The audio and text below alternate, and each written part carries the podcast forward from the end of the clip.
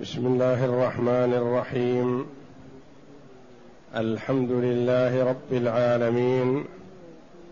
والصلاة والسلام على نبينا محمد وعلى آله وصحبه أجمعين. وبعد. بسم الله.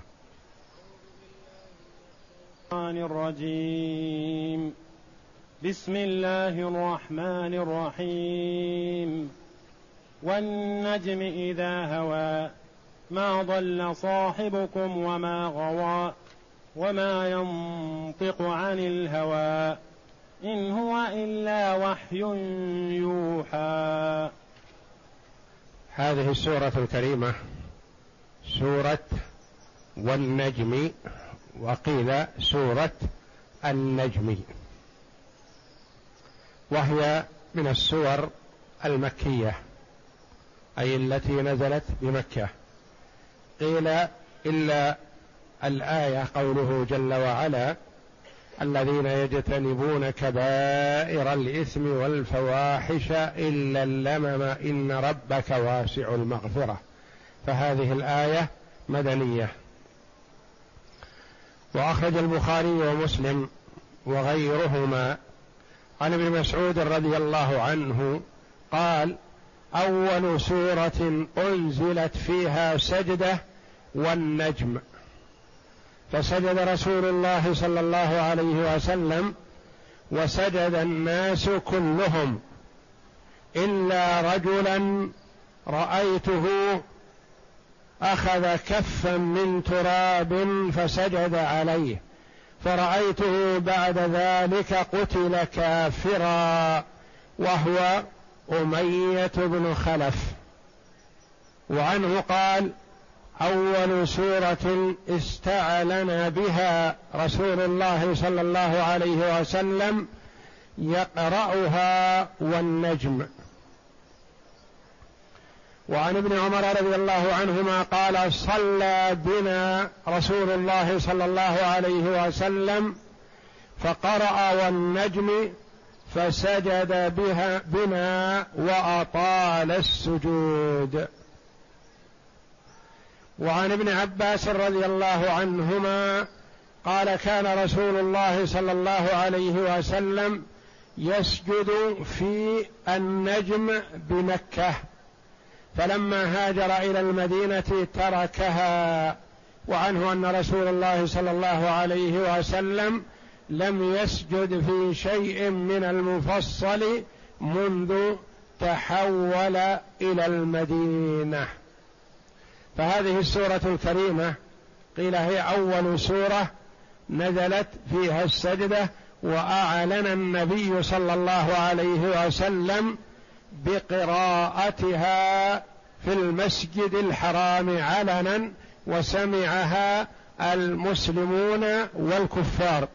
فلما وصل إلى نهايتها سجد صلى الله عليه وسلم فسجد من في المسجد كلهم.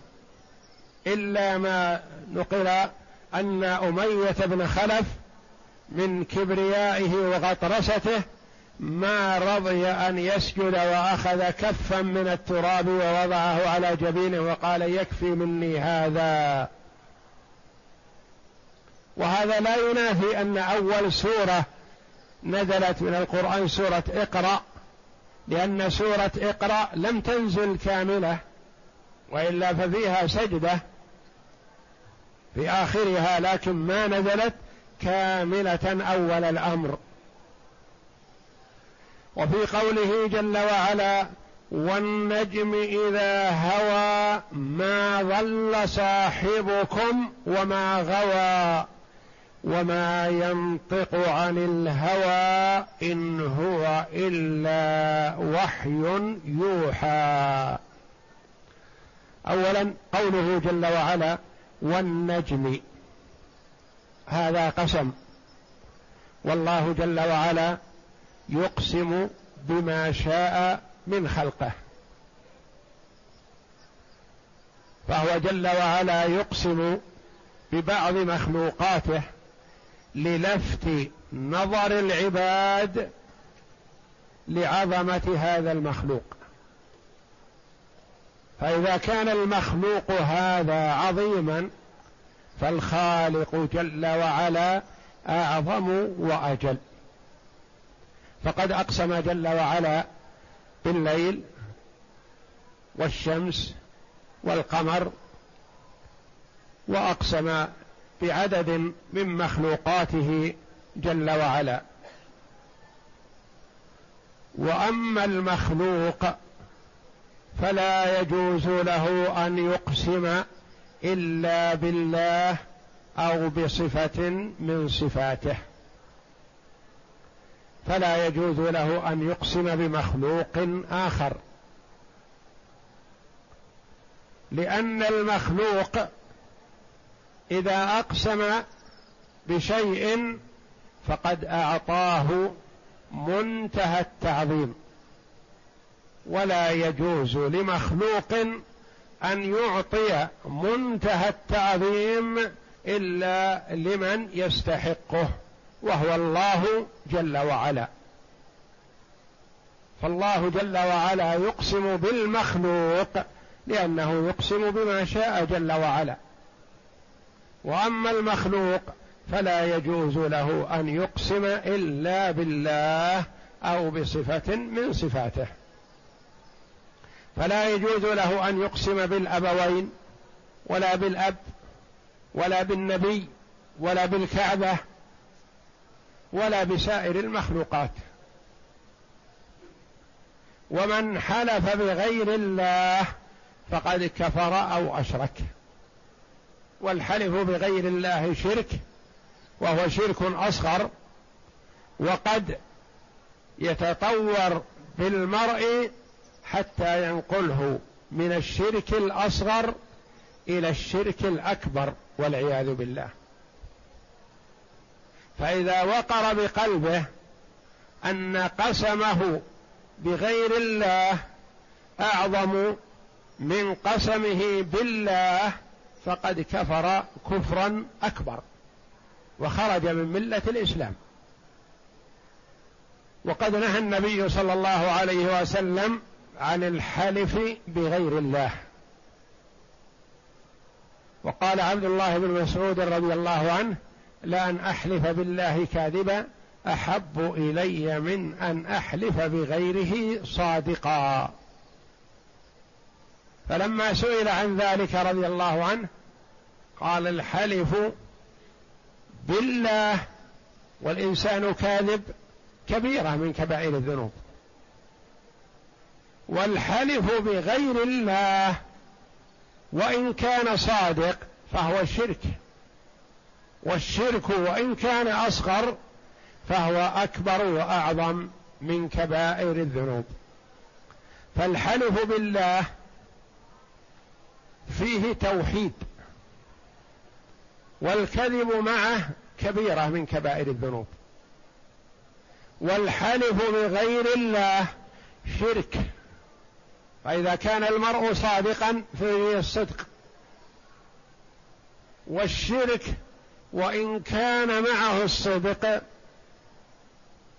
فهو أعظم اثما من كذب معه توحيد.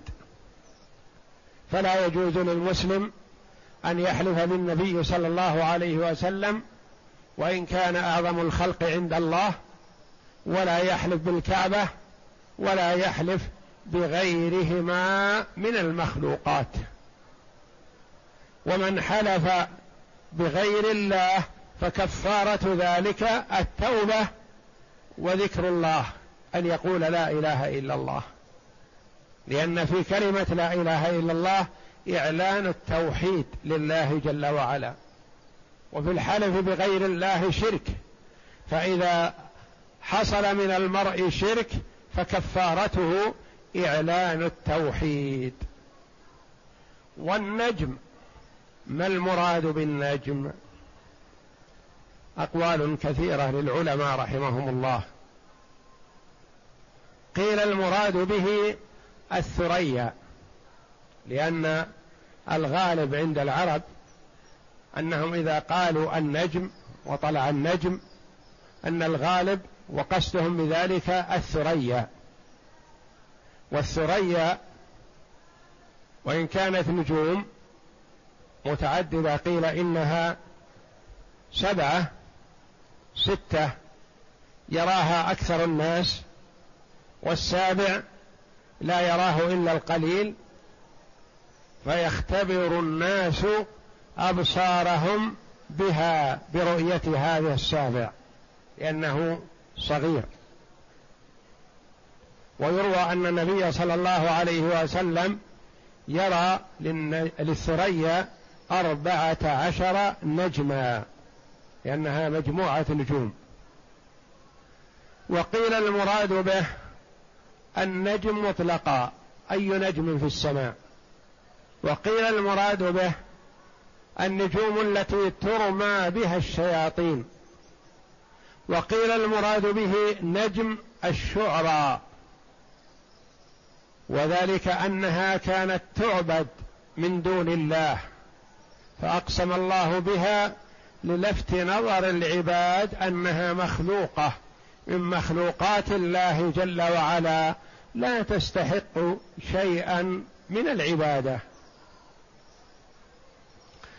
وقيل المراد بالنجم هنا الشجر. الشجر الذي لا يرتفع. الشجر الصغير. النبت الذي لا يطول ولا يرتفع.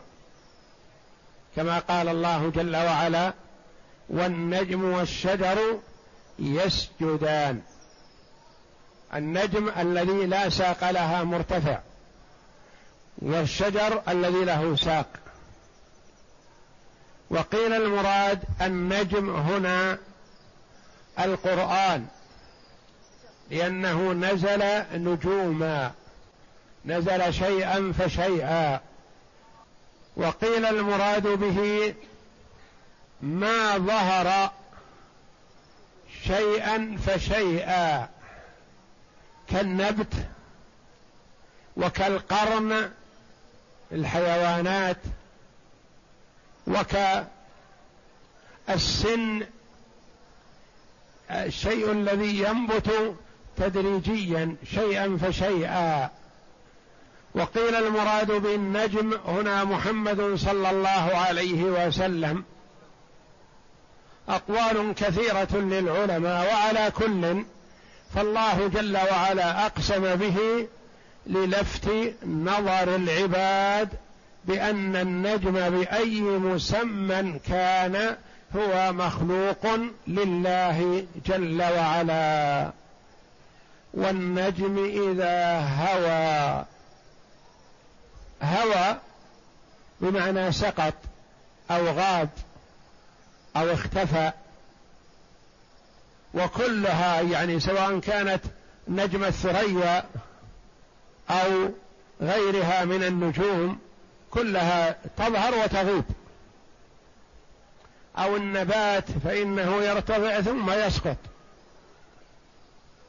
فإذا كان المراد به القرآن أو محمد صلى الله عليه وسلم فما معنى هوى حينئذ؟ والنجم إذا هوى.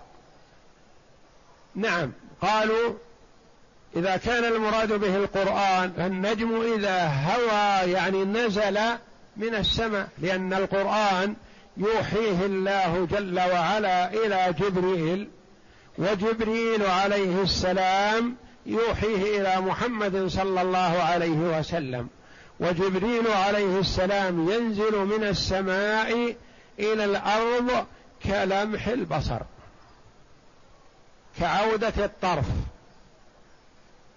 نزول من السماء التي هي مسيرة خمسمائة عام إلى وكتف كل سماء مسيرة خمسمائة عام وبين كل سماء وسماء مسيرة خمسمائة عام.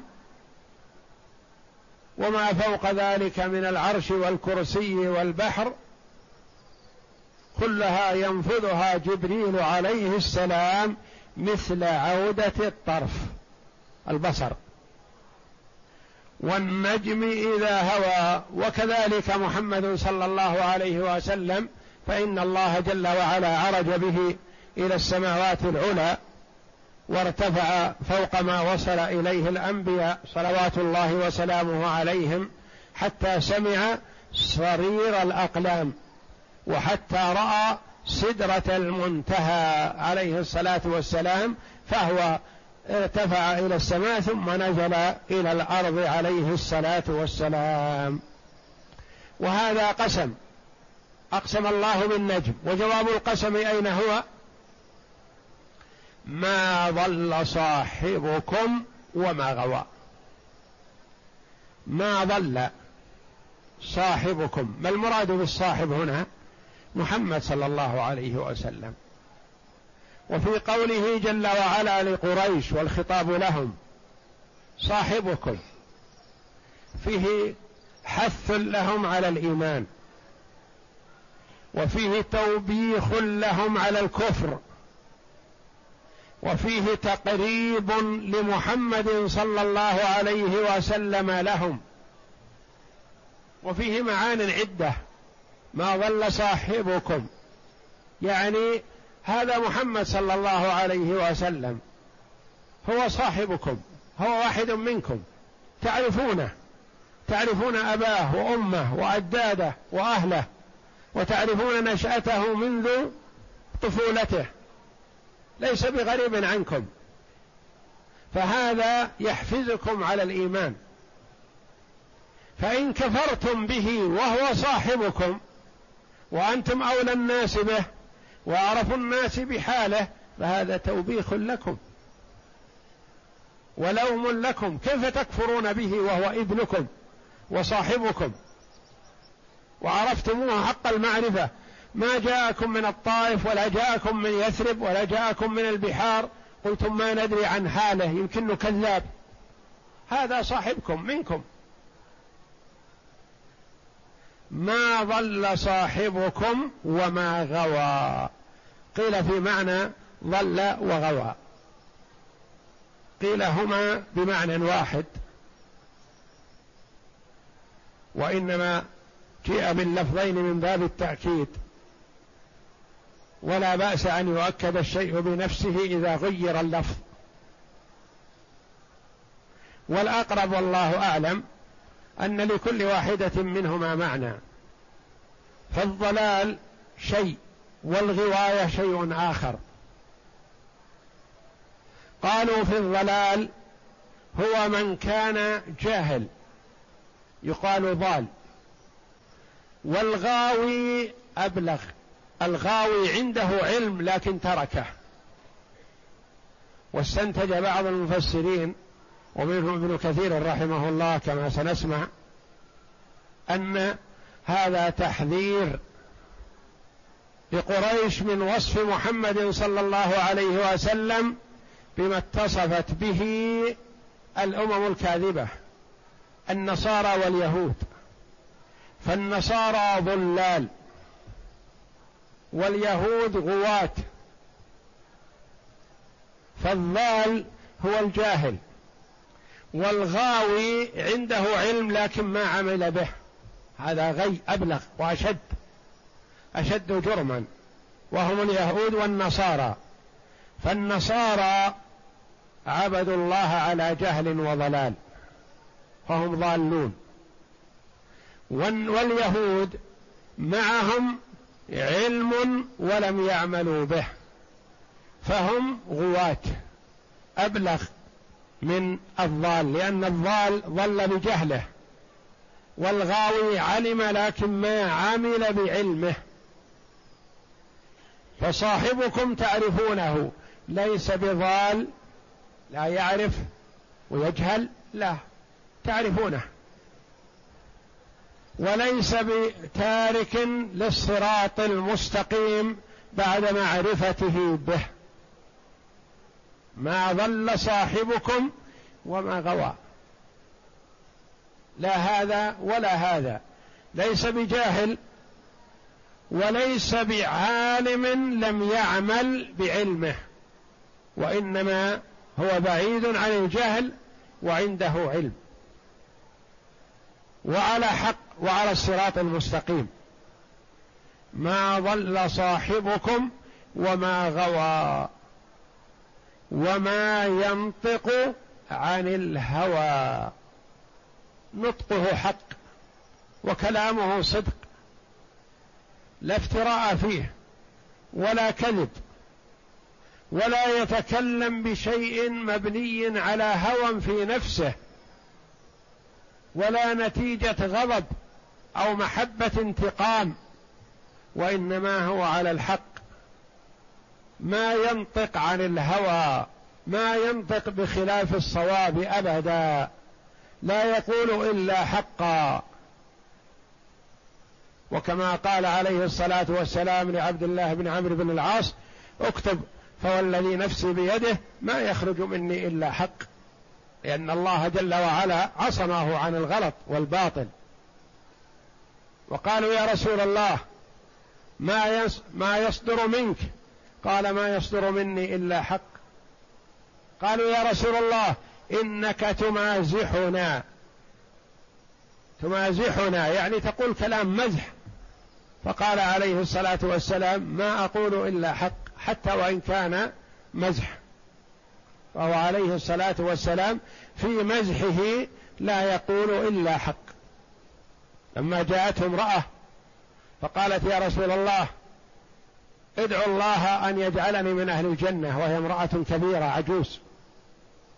فقال أو ما علمت أنه لا يدخل الجنة عجوز؟ يعني كيف أدعو لك بدخول الجنة وأنت تعرفين أنه ما يدخل الجنة عجوز؟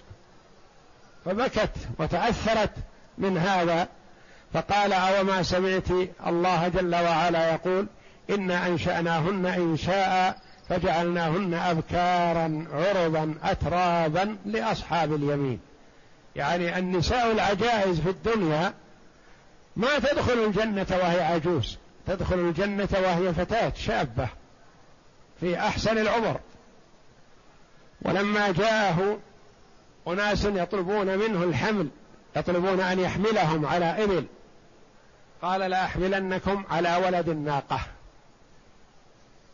قالوا يا رسول الله وماذا يحمل منا ولد الناقة؟ يظنون أنه سيحملهم على حاش صغير ابن خمسة أشهر أو ستة أشهر وماذا يحمل منا ابن ولد الناقة؟ فقال وهل الإبل إلا ولد الناقة؟ عليه الصلاة والسلام. فهو وإن مزح عليه الصلاة والسلام فهو لا يقول إلا حقا.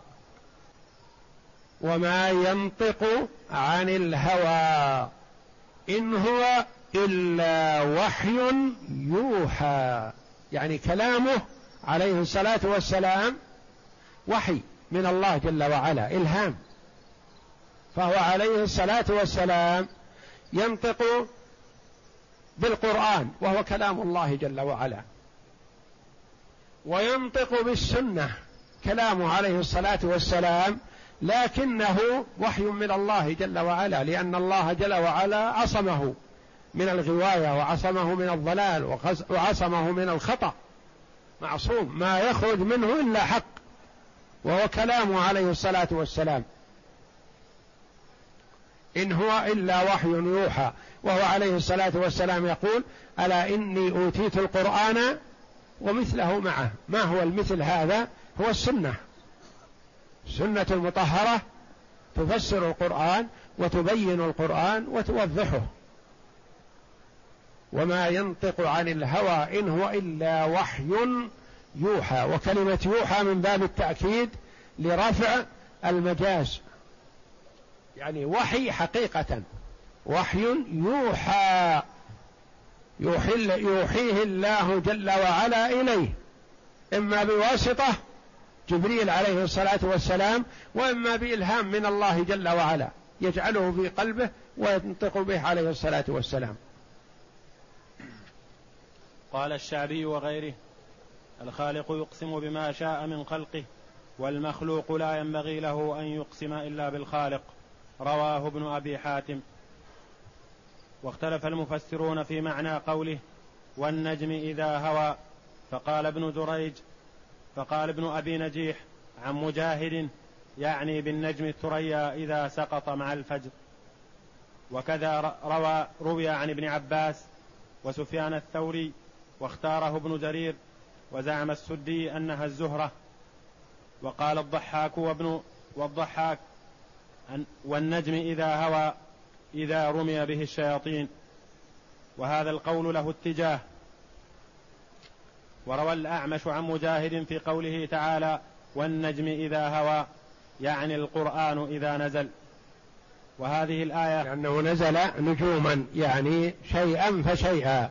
ما نزل القرآن عليه جملة واحدة وحينما قال الكفار لولا نزل نزل هذا القرآن جملة قال الله جل وعلا لنثبت به فؤادك ورتلناه ترتيلا. ولا يأتونك بمثل إلا جئناك بالحق وأحسن تفسيرا. يعني نزل نجوما بحسب الوقائع. كلما قال المشركون شيئا جاء الجواب من الله جل وعلا. وهذه الآية كقوله تعالى فلا أقسم بمواقع النجوم وإنه لقسم لو تعلمون عظيم إنه لقرآن كريم في كتاب مكنون لا يمسه إلا المطهرون. تنزيل من رب العالمين. وكقوله تعالى ما ضل صاحبكم وما غوى. هذا هو المقسم عليه. وهو الشهادة لرسول الله صلى الله عليه وسلم بأنه راشد تابع للحق غير ضال. ليس بضال. وهو الجاهل الذي يسلك على غير طريق بغير علم. والغاوي هو العالم بالحق. العادل عنه قصدا إلى غيره. يقصد قصدا يعرف الحق لكن قصد تركه كاليهود عليهم لعنة الله. يعرفون الحق ويعرفون محمدا صلى الله عليه وسلم كما يعرفون أبناءهم. بل روي أن عبد الله بن سلام رضي الله عنه اليهودي الذي أسلم رضي الله عنه يقول والله إني لا أعرف محمدا أكثر من معرفتي لابني. لأن محمدا صلى الله عليه وسلم أخبرني عنه ربي. وابني ما أدري ما صنعت أمه. يعني لا أشك في محمد وإن شككت في ابني. والله جل وعلا قال يعرفونه كما يعرفون أبناءهم. ومع ذلك عاندوا وكابروا. وهم أهل مقت وأهل غضب والعياذ بالله. وأهل مكر وخديعة. ولا يستقرون على عهد ولا على ذمة ولا يلتزمون بأي التزام عليهم لعنة الله. ولهذا كان المؤمنون من اليهود قلة يعدون على الأصابع بينما النبي صلى الله عليه وسلم معهم ويخالطهم وفي المدينة ويرون المعجزات على يده وما آمن إلا قلة يعدون على الأصابع عبد الله بن سلام وأخوه وبعض من أحبار اليهود قلة بينما النصارى أسلم منهم أمم وممالك كاملة. ولهذا قال الله جل وعلا لتجدن أشد الناس عداوة للذين آمنوا اليهود والذين أشركوا. فنزه الله رسوله رسوله وشرعه عن مشابهة أهل الضلال كالنصارى وطرائق اليهود وهي علم الشيء وكتمانه والعمل بخلافه. بل هو صل صلاة الله وسلامه عليه ما بعثه به من الشرع العظيم في غاية الاستقامة والاعتدال والسداد. يعرفونه يعرفونه معرفة حقيقية خاصة كفار قريش لأنه نشأ بينهم يعرفونه منذ ولادته. عليه الصلاة والسلام. نعم. ولهذا قال تعالى وما ينطق عن الهوى أي ما يقول قولا عن هوى عن هوى وغرض. إن هو إلا وحي يوحى أي إنما يقول ما أمر به يبلغه إلى الناس كاملا موفورا من غير زيادة ولا نقصان كما رواه الإمام أحمد. حدثنا يزيد حدثنا جرير بن عثمان عن عبد الرحمن بن ميسرة عن أبي أمامة أنه سمع رسول الله صلى الله عليه وسلم يقول لا يدخلن الجنة بشفاء أحد الحيين ربيعة ومضر فقال رجل يا رسول الله أو ما ربيعة من مضر؟ قال إنما أقول ما أقول. يعني هو حقا نعم. وقال الإمام أحمد حدثنا يحيى بن سعيد عن عبيد الله بن الأخنس أخبرنا الوليد بن عبد الله عن يوسف بن ماهك عن عبد الله بن عمرو قال كنت أكتب كل شيء. عبد الله بن عمرو بن العاص رضي الله عنه لأنه كان كثير الكتابة رضي الله عنه.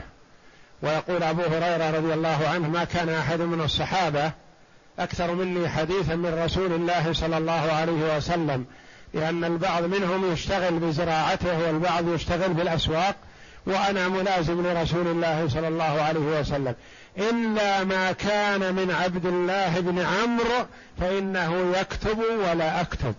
عبد الله بن عمرو بن العاص رضي الله عنه كان يكتب ما يسمعه من النبي صلى الله عليه وسلم. وحينما نهته قريش قالوا له قال له الصحابة ولا تكتب كل ما تسمع لأن محمد بشر يتكلم بالصواب ويتكلم بالخطأ ويحصل منه الخطأ كما يحصل من غيره.